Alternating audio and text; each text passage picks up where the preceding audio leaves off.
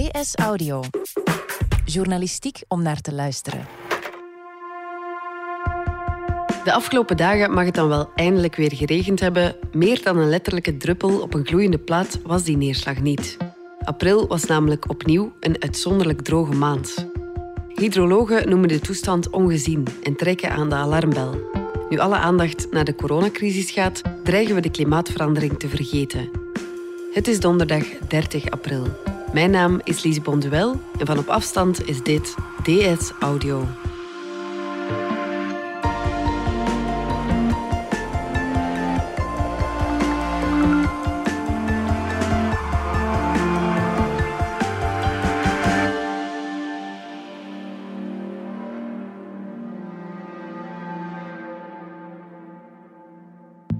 Wat de coronacrisis nu wel duidelijk maakt, is dat mensen eigenlijk in staat zijn eigenlijk op heel korte termijn eh, hun gedrag aan te passen. Dus als, als de nood hoog is, als een crisis acuut is, zijn we in staat om dat te doen. Dit is Dominique Minte. Dominique volgt voor de krant alles wat met het klimaat te maken heeft. Het klimaatprobleem is eigenlijk dat is een probleem op heel lange termijn. Het probleem wordt geleidelijk ernstiger en ernstiger. En dat maakt het ook zo moeilijk om, om mensen te dwingen en ook om systemen te veranderen. Dat is eigenlijk het cruciale verschil tussen een coronacrisis en een klimaatcrisis. De voorbije weken stond het nieuws helemaal in teken van het coronavirus. Toch schreef Dominique enkele dagen geleden een artikel over de droogte van de afgelopen weken en hoe die de komende jaren alsmaar zal toenemen. Die droogte is nog niet heel, heel visueel. Hè? Maar je ziet wel, de grond is helemaal hard, is verhard, is, is, is eigenlijk al, echt al uitgedroogd. Ook in de tuinen begin je dat al te zien. En zelfs hè, gazons beginnen al een beetje, een beetje rostiger te worden. Je ziet ook in de rivieren al dat het, het water is, is erg aan het zakken. En als dat blijft doorgaan, dan krijg je weer oogsten die gaan mislukken. Jonge planten dat die niet gaan doorgroeien. Velden die helemaal uitgedroogd worden. Je kan hier beter gaan druiven kweken, maar bepaalde gewassen gaan we, gaan we hier dan weer niet meer kunnen kweken. En zeker in het, in het zuiden van Europa ga je echt woestijnvorming krijgen. Andalusië dreigt een grote woestijn te worden.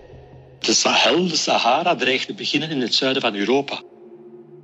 Dat zijn echt wel realistische scenario's waarvoor klimaatwetenschappers al jaren waarschuwen.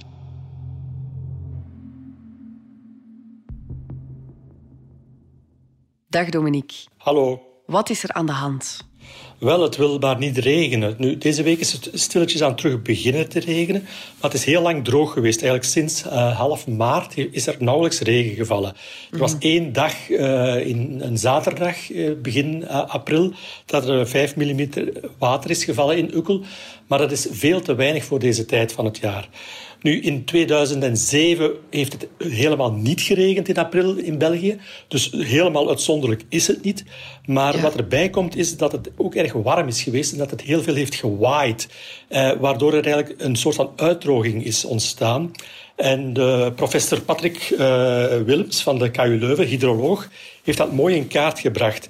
Dus hij heeft berekend dat eigenlijk tot 20 april er eigenlijk een neerslagtekort is van 55 mm. En dat is eigenlijk ongezien. De afgelopen 100 jaar is dat nooit gebeurd. En dat is echt wel zorgwekkend. En dat kan toeval zijn, schreef je, maar intussen valt er ook wel een patroon te zien. Welk patroon juist? Wel, klopt. Het is eigenlijk de laatste drie jaren zijn eigenlijk droger geweest dan normaal. Vooral 2018 was een uitzonderlijk droog jaar met uitzonderlijke droogtes in de zomer en in het najaar. En eigenlijk zijn we daar nog altijd niet van hersteld. Dus het waterpeil in Vlaanderen, maar ook in Nederland en in Duitsland geldt hetzelfde, is eigenlijk nog altijd niet helemaal hersteld van die droogte.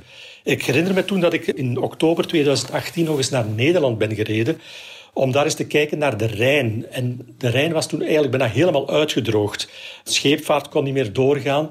En mm. uh, men vreest dat we in 2020 opnieuw in die richting gaan evolueren. Ja, want door die droogte kregen we dan ook de voorbije weken ineens in Vlaanderen en Nederland af te rekenen met, ook ongezien, uh, grote natuurbranden. Ja, Oké, dat is ook niet uitzonderlijk natuurlijk, dat bijvoorbeeld de kalmthoutse hei in brand schiet. Maar meestal gebeurt dat eigenlijk in de zomer, als het echt warm is. Maar nu zien we dat al in april. Dat er in Oud-Turnhout was het nu een, een, een, natuurgebied in brand schoot. Ja. De brand bleef daar een beetje beperkt, gelukkig, door het snel ingrijpen van de brandweer. Maar in Nederland zijn er twee natuurgebieden in brand gevlogen en daar is de schade wel veel groter. Daar is zelfs tot 80% van een heidegebied helemaal afgebrand. En opnieuw, ik zeg het, dat is uitzonderlijk voor deze tijd van het jaar. En dat kan toch wel gelinkt worden aan de klimaatverandering, aan de periodes van droogte die langer worden.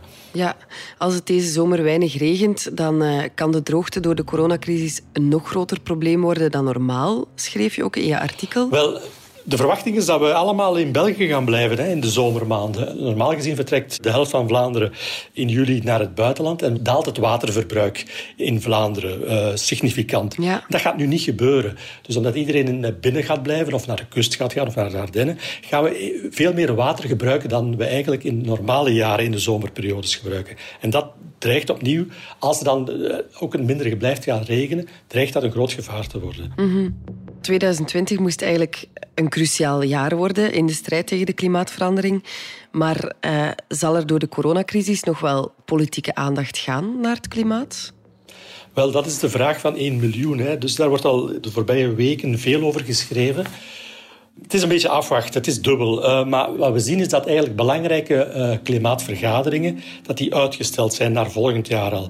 In het najaar had in Glasgow in Schotland een heel belangrijke VN-klimaatconferentie moeten plaatsvinden. Mhm. Mm -hmm. Dus in 2015 hebben we met alle landen afgesproken dat we de opwarming van de aarde moeten beperken tot uh, minder dan 2 graden.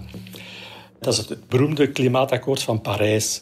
Nu, dat akkoord moet eigenlijk handen en voeten krijgen. En de bedoeling was dat landen hun, hun doelstellingen systematisch gaan aanscherpen. Dat ze dus om de vijf jaar gaan bepalen hoe ze hun, hun uitstoot van, van broeikasgassen gaan verminderen. Ja. En in 2020, nu dus dit jaar, moest er eigenlijk in Glasgow dat afgesproken worden. Moesten landen nieuwe plannen naar voren brengen waarin ze gaan zeggen van hoe ze hun uitstoot tegen 2030, maar ook tegen 2050 verder gaan verminderen. Mhm. Mm -hmm. En dat is nu uitgesteld tot volgend jaar. Nu, uitstel betekent daarom geen afstel, maar je voelt wel dat de aandacht voor het klimaat dat die toch wel uh, aan het afzwakken is, op politiek vlak dan. -hmm. En in welke mate is die focus op de coronacrisis momenteel een ramp? Wel, ik, ik, zeg niet dat het een ramp is. Hè. Ook de milieuorganisaties uh, geven toe dat er op dit moment andere prioriteiten zijn. Hè. Dus ja. uh, alle aandacht moet naar dat virus gaan. Ik zag dat Frans Timmermans, de Europese commissaris voor het klimaatbeleid, een heel belangrijke speler op het internationale toneel rond klimaatbeleid, dat ook deze week nog eens heeft geschreven. Maar uh, iedereen waarschuwt wel dat als we dat virus eenmaal terug overwonnen hebben, dat we dan overschakelen terug naar business as usual. Hè dat uh, onze economie terug heropstarten, dat alles weer uh, zoals uh, voorheen zal zijn. En dat dan het klimaatbeleid eigenlijk het kind van de rekening gaat worden.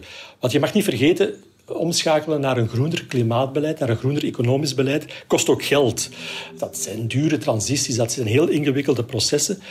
En iedereen gaat zeggen van ja, we hebben daar nu geen tijd voor. We, hebben, we moeten ons geld nu anders besteden. We moeten, alle aandacht moet gaan naar het, het heropstarten van die economie. En dat is logisch ook. Dat moet zeker de prioritaire aandacht krijgen. Maar daardoor dreigt ook heel die groene transitie in gevaar te komen. Mm -hmm. Ik hoorde gisteren nog een, een, voormalige minister van, van Klimaat, een Poolse minister, die zei van ja, eigenlijk omschakelen naar een groene economie doe je best in economische hoogconjunctuur. Op het moment dat de economie boomt, hè, dan is er geld en dan kan je dat geld een beetje beter spreiden. En ja, dat is er op dit moment natuurlijk niet. Hè. We moeten gewoon die economie nu terug aan de praat krijgen. Uh, en daardoor dreigt het groene gedachtegoed naar de achtergrond te verdwijnen. Mm -hmm. En zijn onze politieke leiders zich daarvan bewust? Wel, natuurlijk zijn ze zich bewust dat de aandacht nu in de eerste plaats naar het virus moet gaan. Hè. En ze weten ook dat eigenlijk die omschakeling naar de groene economie, dat dat heel moeilijk is, dat dat heel veel geld kost. Mhm. Mm -hmm. En dat dat op dit moment een beetje in, in de wachtkamer dreigt te komen. De vraag is of het in die wachtkamer gaat blijven zitten, die omschakeling. Ja. Je moet weten, de omschakeling naar een groene economie uh, is eigenlijk dringend. Er is niet zoveel tijd meer.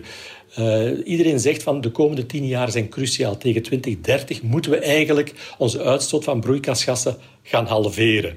En daar zijn we lang nog niet aan toe. Uh, we moeten dus nu echt gaan versnellen. En de vraag is, kunnen we dat nu nog, als die aandacht toch in de eerste plaats gaat naar het heropstarten van die economie, dreigt dat, dat groene gedachtegoed toch uh, naar de achtergrond te verschuiven. Ja. Sommige landen, zoals China, staan al wat voor op ons wat betreft het post-coronatijdperk. Hoe loopt het daar? Wel, dat zie je daar ook inderdaad al gebeuren. Hè. Dus, uh, China is zijn economie terug aan het heropstarten. En we zien dat daar de uitstoot van, van broeikasgassen terug gewoon naar het business as usual gaat, naar het niveau van voor de coronacrisis. En dat dreigt er ook hier in, in de rest van de wereld te gaan gebeuren. Hè. Mm Een interessante vergelijking die altijd wordt gemaakt is die met de financiële crisis in 2008. Toen viel de economie ook helemaal stil wereldwijd. Eh, we zagen toen de uitstoot van broeikasgassen sterk naar beneden gaan. Maar toen in 2009 die, die crisis een beetje eh, het over haar hoogtepunt heen was, zijn die broeikasgassen ook heel snel terug naar hun, naar hun oorspronkelijk niveau gegaan. En dat gevaar bestaat natuurlijk. Dat, dat is eigenlijk iets wat, wat iedereen zegt van dat moeten we proberen te vermijden, maar het zal heel moeilijk zijn om dat te vermijden. Ja, de coronacrisis dreigt de strijd tegen de klimaatverandering dus eigenlijk structureel te verdringen. Dat is een gevaar, ja. Of opnieuw te vertragen. En net die vertraging, die mag eigenlijk niet gebeuren. We moeten eigenlijk, in plaats van te vertragen, moeten we versnellen. En dat proces dreigt stil te vallen. Door de coronacrisis draait de economie wel op een lager pitje. We werken ook massaal thuis, waardoor we minder met de auto rijden. Je zou dus eigenlijk kunnen denken dat de coronacrisis goed is voor het klimaat. Maar dat is er dus niet, als ik het zo begrijp. Wel, op, op korte termijn wel natuurlijk. Hè. Dus hè, we stoten inderdaad minder broeikasgassen uit. Uh, maar eh, ja, de vraag blijft, hoezeer gaat die verandering permanent zijn? En mm dat is, iedereen vreest een beetje dat dat toch niet genoeg zal zijn. Plus, uh, ons gedrag is nu even aangepast. En gedragsverandering is cruciaal om de klimaatproblemen aan te pakken. Maar je hebt eigenlijk heel diepgaande structurele veranderingen van onze economie nodig. Een hele systeemverandering. En om die systeemverandering door te voeren, dat kost geld, dat, dat kost eh, echt investeringen. En die investeringen, de vraag is, gaan die nog gebeuren? Gaan die, gaat dat geld er nog wel, wel zijn? Ja, want de gedragsverandering is er eigenlijk al, al dan niet opgedrongen door de coronacrisis. Maar nu is er vooral een gebrek aan geld. Gebrek aan geld, ja. Dat er dus, we zijn nu massaal aan geld aan het lenen mhm. om die economie toch een beetje draaiende te houden. En uh, dat is geld dat we eigenlijk ook nodig gaan hebben om opnieuw nog meer te investeren in die groene transitie, in die duurzame uh, energiesystemen.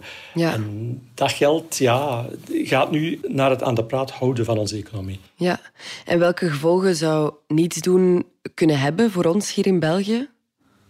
Wel, de klimaatverandering is echt aan het bijten. Hè. Dus die droogte is daar een voorbeeld van.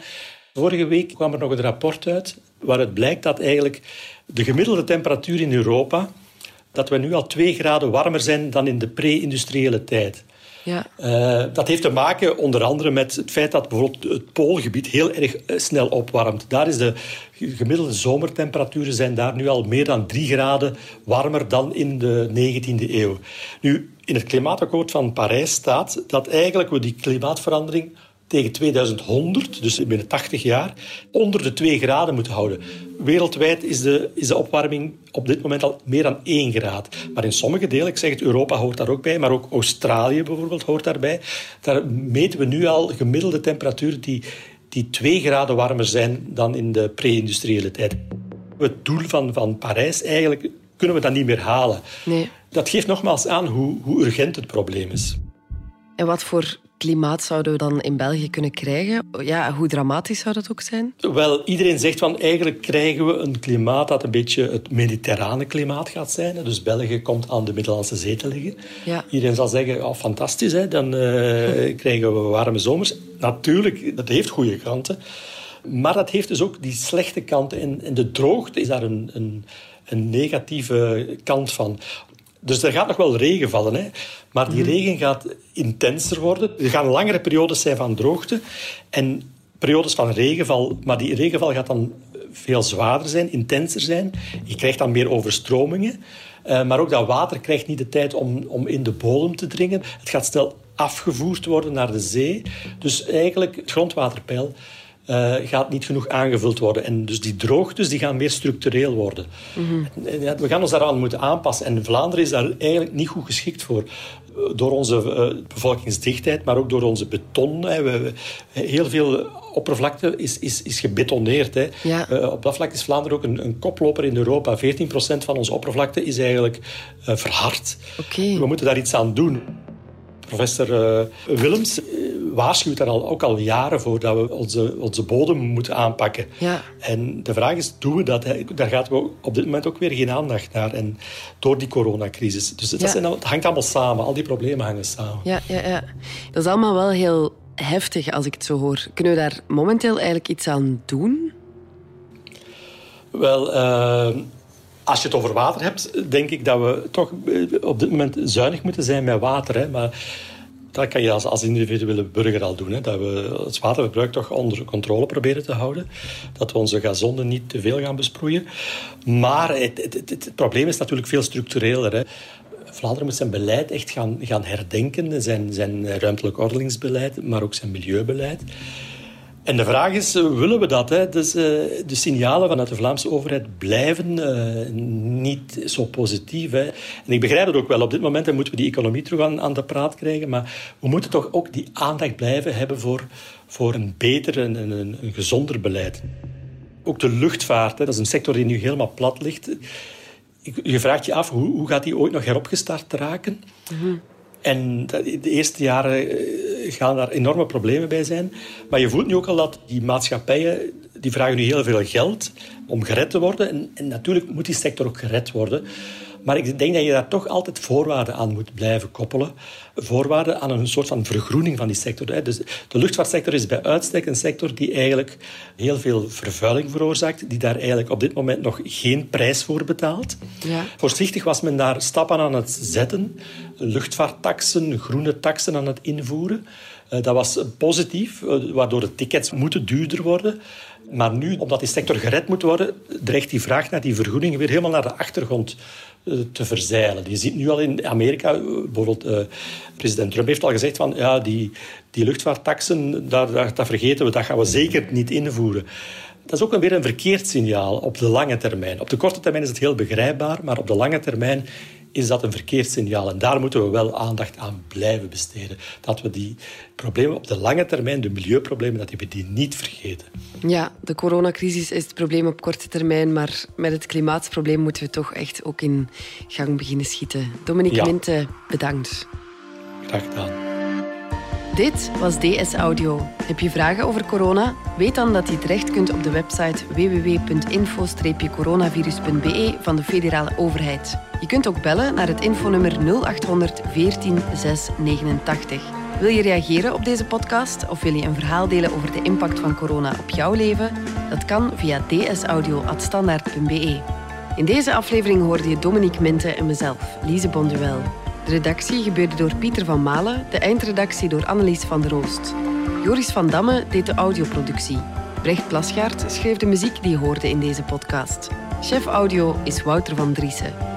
Vond je deze podcast interessant? Weet dan dat je er elke werkdag één kunt beluisteren. Dat kan via de DS Nieuws app of via standaard.be-audio. Je kunt je ook abonneren via iTunes, Spotify of de podcast app van je keuze. En als je daar dan toch bent, schrijf gerust een review. Zo toon je ook anderen de weg. Morgen zijn we er niet door de dag van de arbeid, maar maandag zijn we opnieuw.